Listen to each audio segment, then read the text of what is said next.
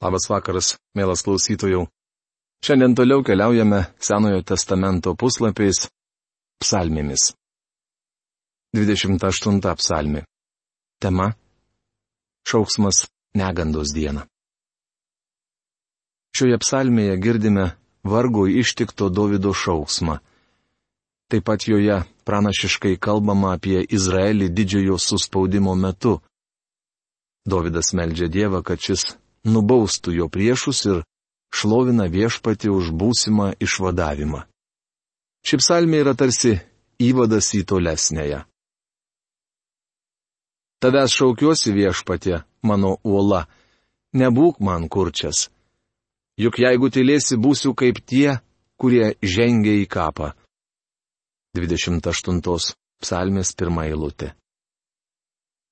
Izraelis žinojo apie uolą bet ją atmetė.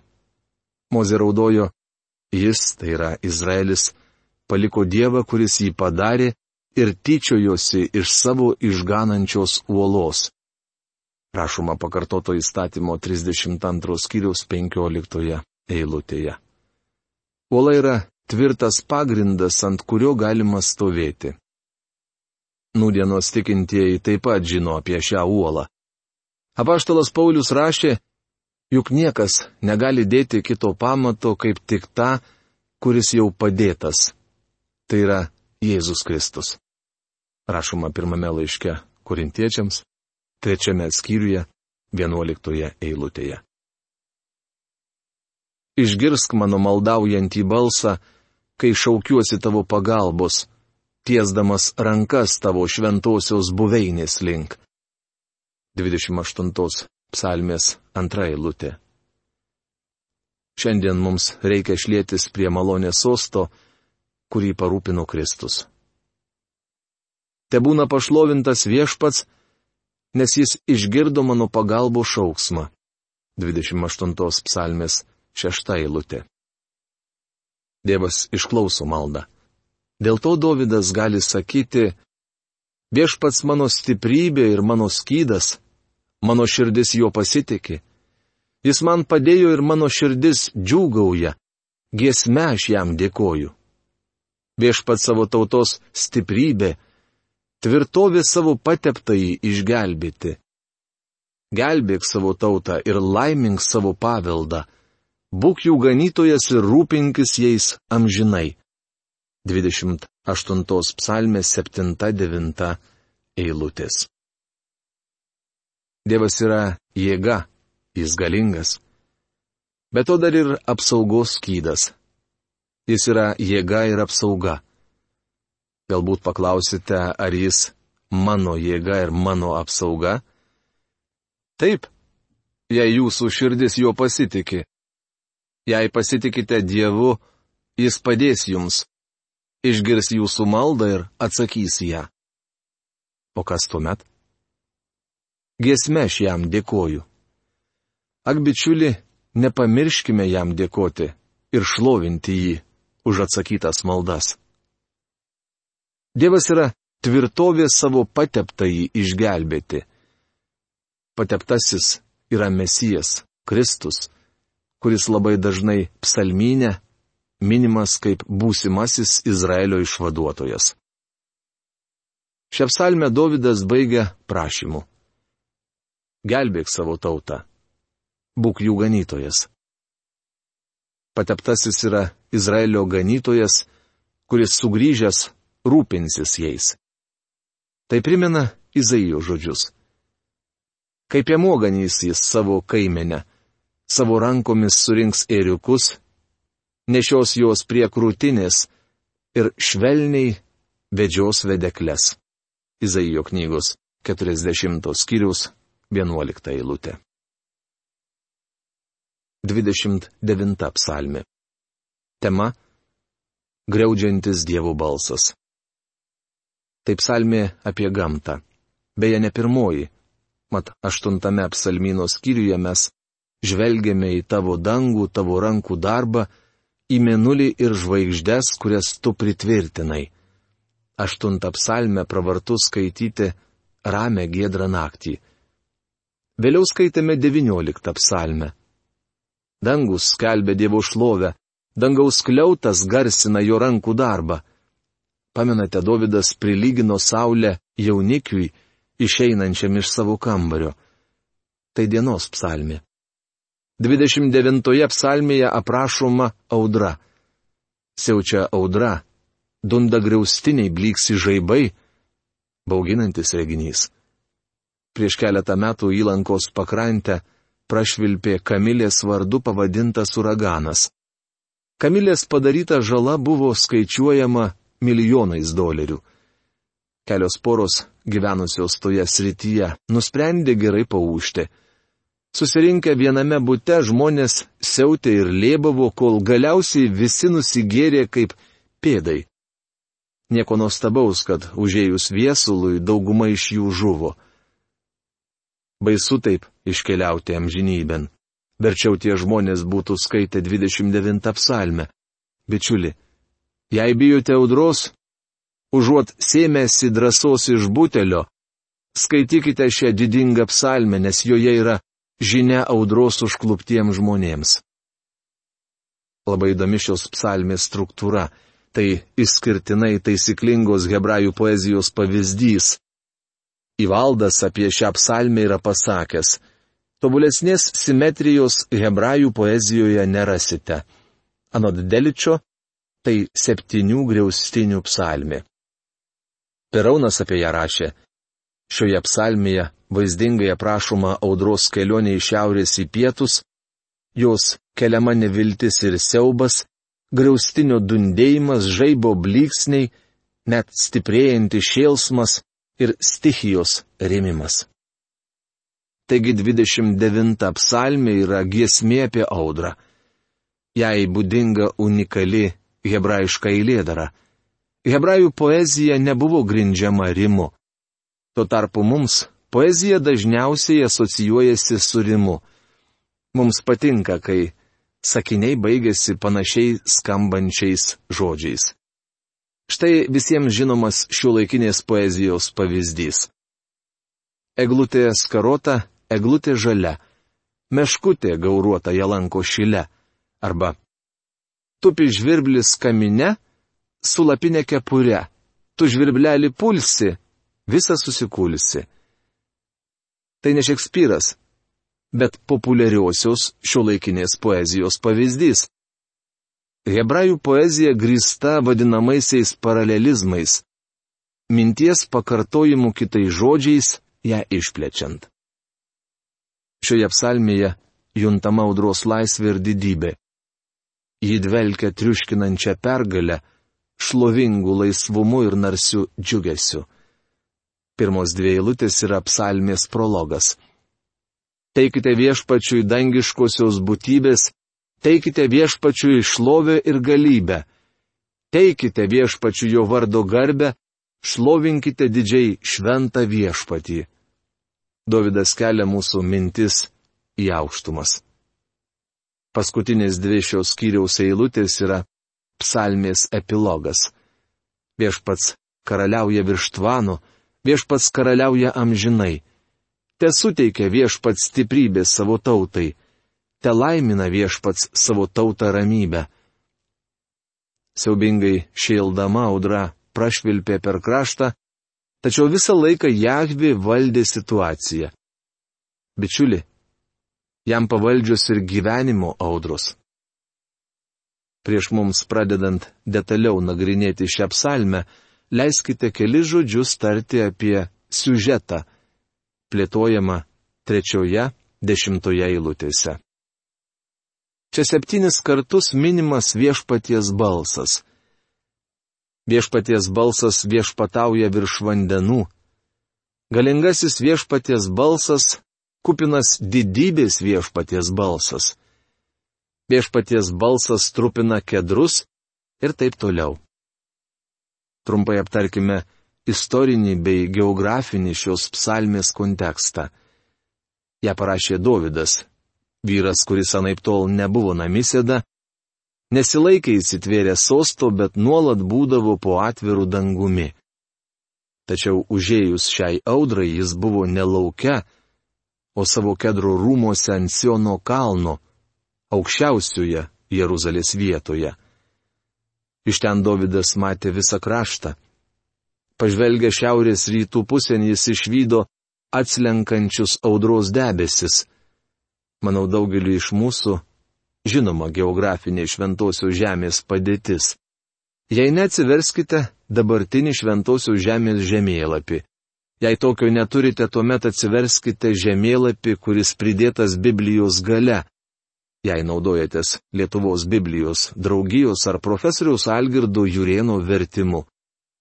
Ir pažiūrėkite, kokioje vietoje buvo įsikūrusi Jeruzalė.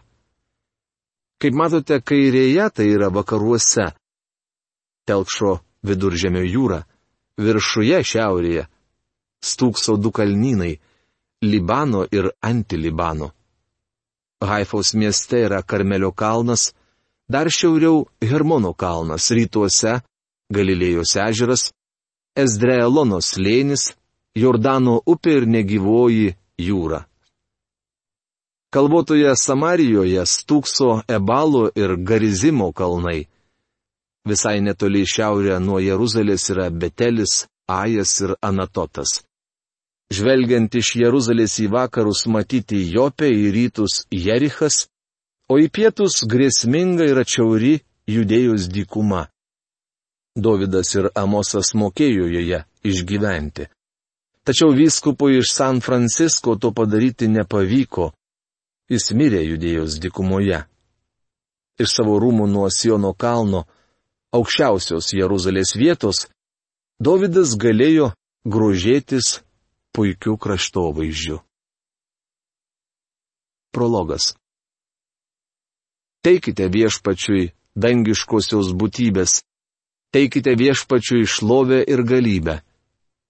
Teikite viešpačiui jo vardo garbę šlovinkite didžiai šventą viešpatį. 29 psalmės 1-2 eilutės. Man patinka, kaip šią eilutę komentuoja vyskupas Hornas. Jis rašo, pranašas kreipėsi į žemės galinguosius, ragindamas juos teikti Dievui šlovę ir pasiduoti Mesijo viešpatystai. Siužetas. Koks šios psalmės turinys? Visame krašte siaučia audra. Siužetas susideda iš trijų strofų arba posmų. Viešpaties balsas viešpatauja virš vandenų, didybės dievas greudžia, viešpats viešpatauja virš vandenino. Galingas viešpaties balsas, kupinas didybės viešpaties balsas. 29 psalmė, trečia ketvirta eilutės. Tai audros pradžia. Toli šiaurės vakaruose pasigirsta griausmas ir matosi žaibai. Atslenka audra. Jie artėja prie Jeruzalės, greudžia Jahvės balsas. Būdamas savo rūmose, Davidas mato atslenkančius tamsius ir piktus audros debesis, girdi užaujant viesulą. Debesis užstoja saulę ir pasidaro tamsu, nors tebėra vidudienis. Girdėti žemas griaustinio dundesys, dangaus kliauta raižo žaibai. Tai ne vasaros lietutis ir neįprasta audra, bet kažkas panašaus į Kamilės vardu pavadintą uraganą, kurį minėjau anksčiau. Viduržėme jūros pakrantėje siautėja stichija. Aukštos piktos bangos taip garsiai daužosi į krantą, tarsi kas šaudytų iš patrankos. Audra didingai žygioja iš šiaurės į pietus. Ji neišvengiamai artėja prie Jeruzalės. Galingas viešpaties balsas. Galite girdėti šį visą drebinantį griausmą. Kupinas didybės viešpaties balsas. Jis kelia baimę. Viešpatės balsas trupina kedrus, viešpats trupina Libano kedrus. 29 psalmės 5 eilutė. Savo trenksmais ir dundėjimu griaustinis drebina Libaną. Žaibai tranko į medžius. Didysis Hermono kalnas purtomas it kiškis, patekęs į šuns nasrus. Audra didingai ir grėsmingai artėja prie Jeruzalės. Ji rytasi lydima ritmingo griaustinio dundėjimo ir kalnus nutvieskenčio žaibų bliksėjimo. Audra visai čia pat. Jis šokdina Libaną lyg veršį ir Hermono kalną lyg jauną laukinį jauti. Viešpaties balsas bliksi žaibais. 29 psalmės 6-7 eilutės. Žaibai jau trankosi visai netoli Jeruzalės. Jie pokščiai ir spraksi pabūklai kovos laukia. Audra įma siausti visų smarkumu. Jeruzalės gatvės apleistos, visų namų langinės uždarytos. Miestas nuščiuvęs tai tyla prieš audrą. Tik šuns lojimas girdisi iš Kidrono slėnio ir štai audra pasiekia Jeruzalę. Lietus pasipila kaip iš kibiro, siaubingas viesulas daužosi Jeruzalės miesto sienas. Nuplėšęs langines jis sutrenksmu sviedžia ją žemyn. Dovydui jau anksčiau teko visą tai patirti. Jis kantriai laukia, klausydamas Jahvės balso. Viešpaties balsas supurto dykumą. Viešpats sudrebina kadešo tyrus. 29 psalmės 8 eilutė. Davidas mato, kad audra praeina, įtolsta, lietus paliauja, vėjas nurimsta. Audra traukiasi ir žmonės vienas po kito atveria langines. Praūžęs pro Jeruzalę viesulas švilpia judėjos dykumos link, kur yra Kadešas, į pietus ir į vakarus. Netrukus audra paliauja ir Sinajaus dykumoje oras dvelkia gaiva. Dovydas girdi, kaip kidrono slėnyje šniokščia vanduo. Viešpaties balsas triuškina ažuolus ir plikai nušluoja miškus, o jo šventykloje visi šaukia šlovė. 29 psalmės 9 eilutė. Audra padarė ir šitą gero. Besilaukiantys gyvuliai iš išgaščio atsivedė jauniklius jiems nereikėjo kesti ilgų ir varginančių skausmų. Be to, audra paskatino nueiti į šventyklą tuos, kurie jau seniai nebuvo joje lankęsi.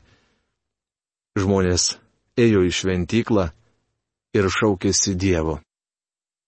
Audra nurimo ir nuslinko į pietus.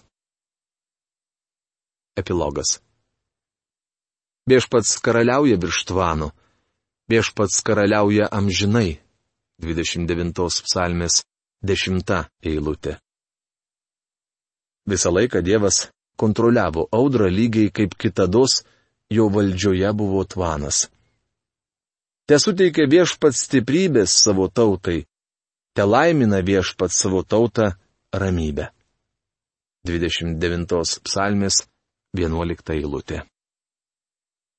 Audroje atsiskleidžia didelė dievų galybė.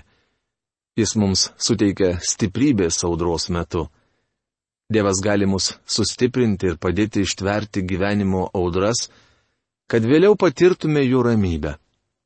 Audra gali siautėti visų smarkumu, tačiau Jahvė vis vieną ją kontroliuoja. Jis valdo visas gyvenimo audras ir palaimina savo žmonės ramybę.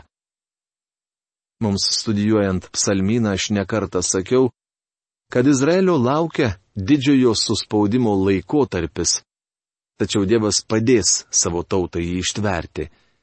Jiems prieš akį Armagedonas.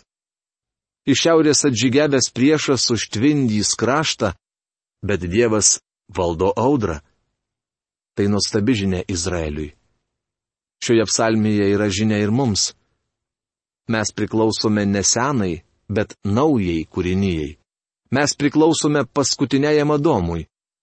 Taigi kas yra Kristuje, tas yra naujas kūrinys, nauja kūrinyje.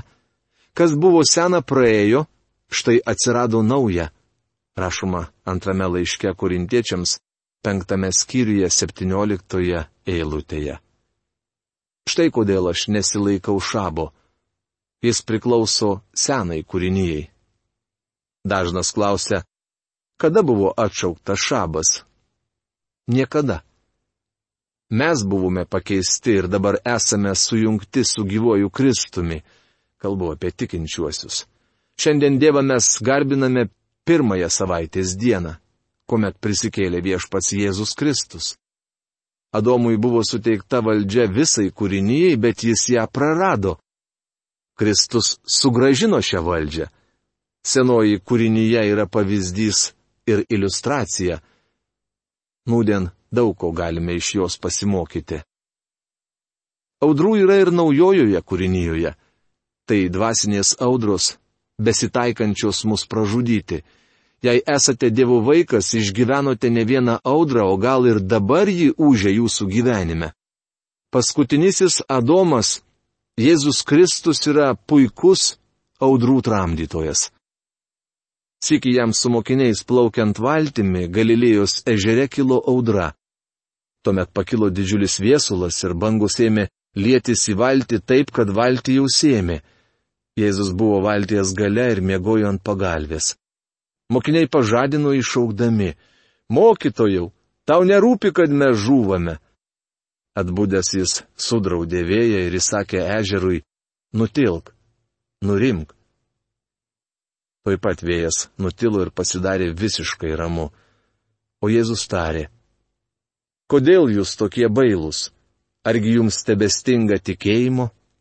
Rašoma Morkaus Evangelijos ketvirtos skyriaus 37-40 eilutėse. Ta kart viešpats nuramino audrą, tačiau jis ne visuomet taip daro. Kartais jis tik šnipžda, mes pasieksime uostą. Žinau, kad daugelis žmonių šiandien kenčia audras. Aleskoje gyvena eskimų tautybės mama, kuri klausosi mūsų radio programų. Jos sunus žuvo Vietnamo kare. Žiemą šios vargšės moters namus užpusto sniegas. Kaip ji pati rašė, Dievo žodžio mokymas, kurio įklausosi per radiją, padeda jai ištverti šį sunkų laikotarpį. Jie audroje, bet Dievas padės jai viską iškesti. Vieną dieną audra paliaus. Žinau, kad audra šiuo metu yra užklupusi vieną šeimą gyvenančią Šiaurės Karolinoje. O makleris iš San Francisko rašė, kad būtų išėjęs iš proto, jei viešpats Jėzus nebūtų jo palaikęs. Neseniai buvau Arizonos valstijoje, Flagstafo mieste. Kol ten lankiausi, užslinko audra. Prieš man išvažiuojant iš Flagstafo traukiniu, ačiū Dievui neskridau lėktuvu. Pasipylė baisus lietus, ėmė trankyti žaibai ir siaubingai greudėti. Tačiau dar man nepasiekus kelionės tikslo audra nurimo ir pasirodė menulis. Buvo be galo gražu. Gal ir jūs šiuo metu yra užklupusi audra? Atminkite du dalykus. Audra liausis ir viešpats padės ją ištverti. Tokia žinia šiai dienai. Iki malonaus susitikimo. Sudė.